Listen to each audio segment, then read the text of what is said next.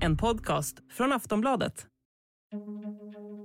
Ilskan mot Sverige efter Paludans koranbränning utanför Turkiets ambassad i Stockholm växer och stora protester har utbrutit på flera håll i den muslimska världen de senaste dagarna.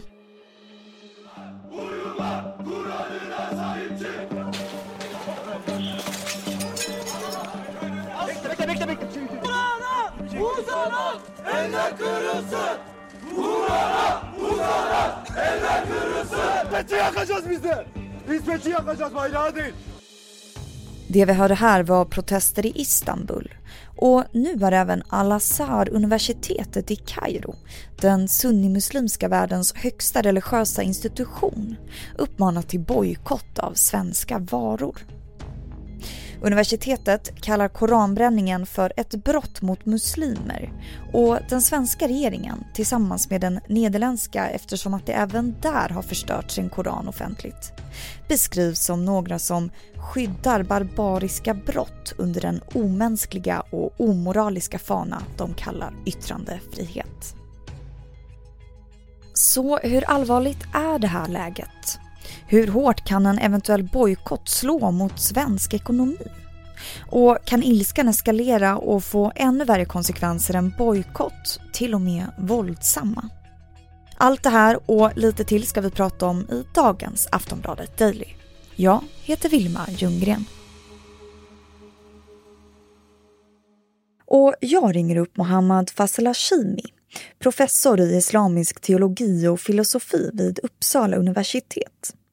Han får börja med att beskriva ilskan som nu riktas mot Sverige. Hur stark är den? Ja, det finns en eh, djup ilska och upprördhet över eh, företeelsen, den här koranbränningen.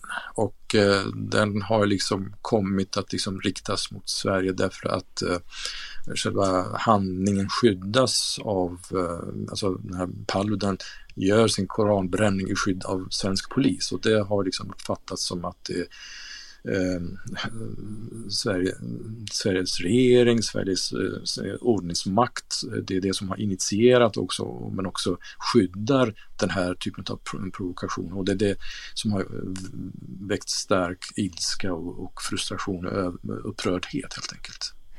Och vilka är det som är mest upprörda då? Är det de mest religiösa eller är det en bredare grupp?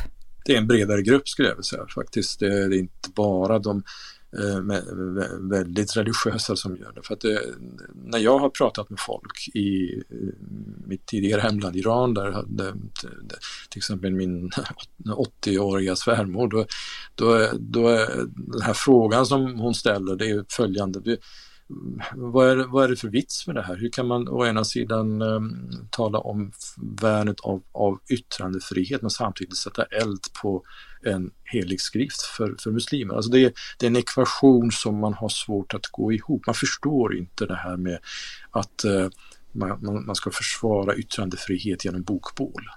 Ehm, du nämnde Iran där, vi har ju sett protester till exempel Istanbul. Vilka fler platser eh, kan man se den här ilskan på? Afghanistan, Irak, eh, Palestina, Bangladesh, Pakistan. Det är många eh, muslimska länder där det har förekommit eh, starka protester, demonstrationer. Al-Azhar universitetet i Kairo har ju uppmanat till bojkott av svenska varor. Eh, kan du berätta om Al-Azhar universitetet? Vad är det för institution?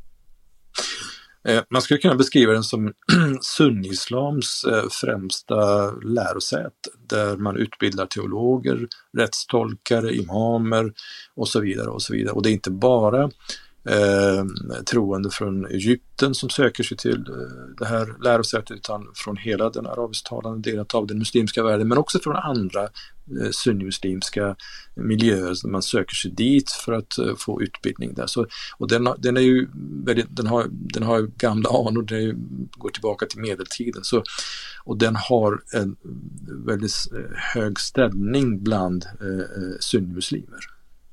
Det låter ju som att de har ganska mycket inflytande då. Man kan tänka sig att en sån uppmaning får effekt. De har en eh, mycket stor infly, stort inflytande över eh, stora delar av den sunni-muslimska världen.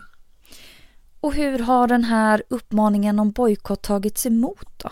Än så länge så har det bara kommit medhåll och bekräftelse på det här. Men vi, vi får se hur, hur det här liksom sätts i verket. För att eh, jag har inte sett eh, någon, någon sån där eh, återkoppling från Eh, statsmaktens, alltså regeringars sida i, i muslimska länder. Utan än så länge så ligger det på, på på folklig nivå och religiösa ledare. Och då, då, man måste skilja mellan om, om det är en regering som inför sanktioner eh, eller om det är en eh, religiös ledare som manar till sanktioner. Eh, det, vi, får se, vi får avvakta ett, ett, ett, ett tag till. Men vilken påverkan kan en eventuell bojkott få för svensk ekonomi då?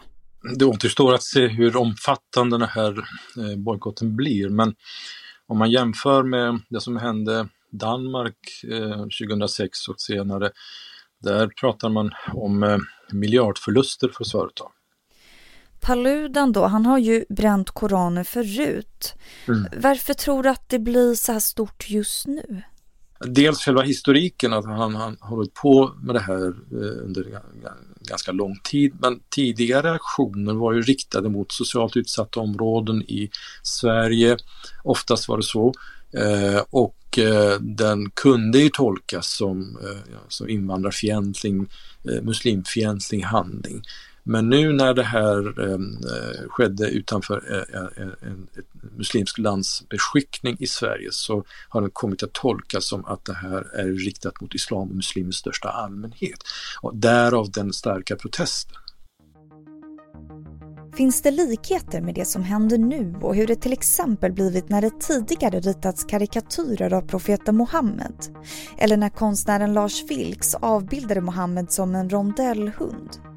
Vi lyssnar till vad Mohammad Faisal Hashimi tänker om det efter pausen.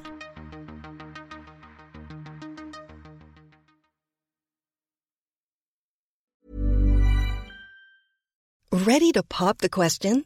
The jewelers at BlueNile.com have got sparkle down to a science with beautiful lab-grown diamonds worthy of your most brilliant moments. Their lab grown diamonds are independently graded and guaranteed identical to natural diamonds, and they're ready to ship to your door. Go to Bluenile.com and use promo code LISTEN to get $50 off your purchase of $500 or more. That's code LISTEN at Bluenile.com for $50 off. Bluenile.com code LISTEN. Ja, finns det likheter med dagens situation och hur det blivit när det till exempel tidigare ritats karikatyrer av profeten Muhammed? Vi går tillbaka till Muhammad Fassel Hashimi. Ja, det finns stora likheter. Om vi tar till exempel eh, det som hände i mitten av 00-talet när det gäller Mohammed-karikatyrerna eh, i Danmark. Även då förekom väldigt starka protester men också uppmaning till bojkott av danska varor vilket ledde till att man i flera muslimska länder plockade bort eh, en hel del eh, mejeriprodukter som, hade, som man importerade från, från Danmark och det ledde till stora eh, förluster för danska företag men även för svenska företag som är, är verksamma i Danmark. Man talar om miljardklass. Bojkott är ju en icke-våldshandling ändå. Eh, men tror du att det här skulle kunna övergå till våldshandlingar? Ja, alltså ni, bara det här att eh, här universitetet har eh, liksom tagit kommandot genom att liksom gå ut med en uppmaning till en icke-våldshandling är ju i sig en garant för att man, skulle, man vill liksom dämpa reaktionerna så att det inte går över till våldsbejakande eh, eller våldshandlingar. Det, det, man ska också komma ihåg det är alltså att eh, eh alla Al-Azhar kunde inte låta bli att agera därför att de utmanas av de mera eh, hårdföra grupper eh, Eh, som finns i, i, i muslimska länder, eh, våldsbejakande islamister, hårdföra salafister och så vidare. Så de var tvungna att agera men de valde att liksom, eh, liksom sätta agendan genom eh, eh, den här icke-våldshandlingen. Men säker kan man aldrig vara. Det beror på hur saker och ting utvecklas. Eh, det kan bli så att, att de här mera radikala krafterna träder in i, i det här bråket och liksom manar till våld istället. Har du något exempel på vad som skulle kunna göra det här läget värre? Ja, till exempel att sätta en belöning eh, på, på eh, Paludan och, och det, det skulle liksom eskalera saker och ting ännu värre. Eller att han fortsätter med sina aktioner eh, men också om, om det, om det till, till exempel skulle komma stöd för honom från regeringshåll i Sverige eller på annat, från annat håll. Det skulle förvärra saker och ting. Hur tycker du att den svenska regeringen har hanterat det här? Då? Statsminister Ulf Kristersson har ju till exempel gått ut med att han känner sympati för den som är upprörd över koranbränningen.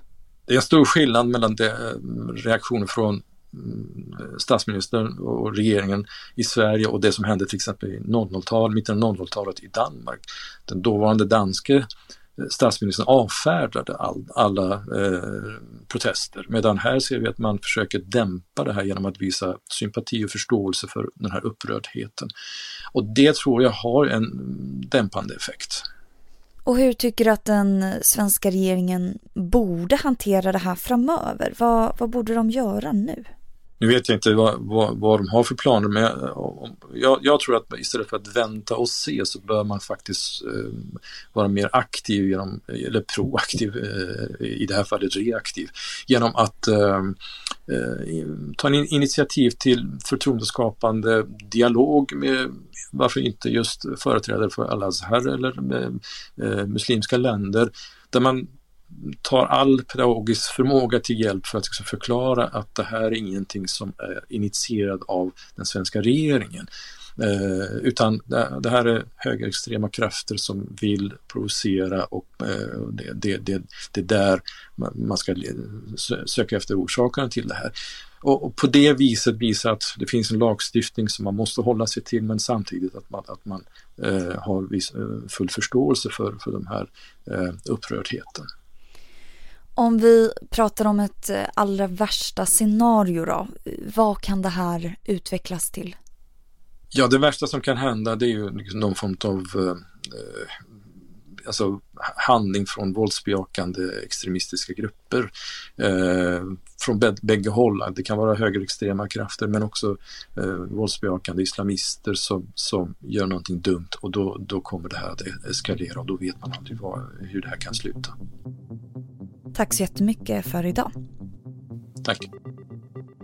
Du har lyssnat på Aftonbladet Daily med Mohammad Fazel Hashimi, professor i islamisk teologi och filosofi vid Uppsala universitet. Mitt namn är Vilma Ljunggren och vi hörs snart igen.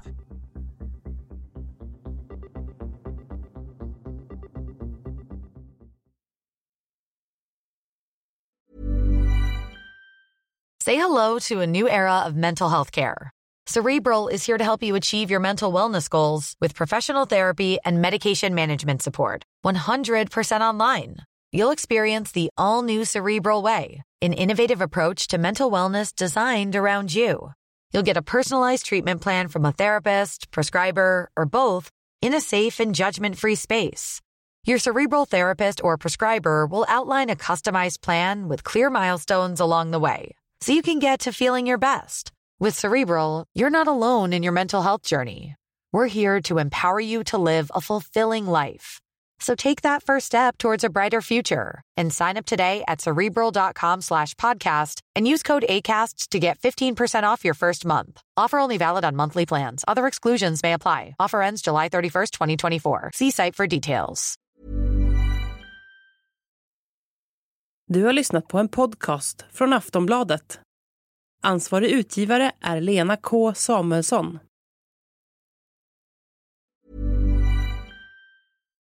Botox Cosmetic, out toxin A, FDA approved for over 20 years. So, talk to your specialist to see if Botox Cosmetic is right for you. For full prescribing information, including boxed warning, visit BotoxCosmetic.com or call 877-351-0300. Remember to ask for Botox Cosmetic by name. To see for yourself and learn more, visit BotoxCosmetic.com. That's BotoxCosmetic.com.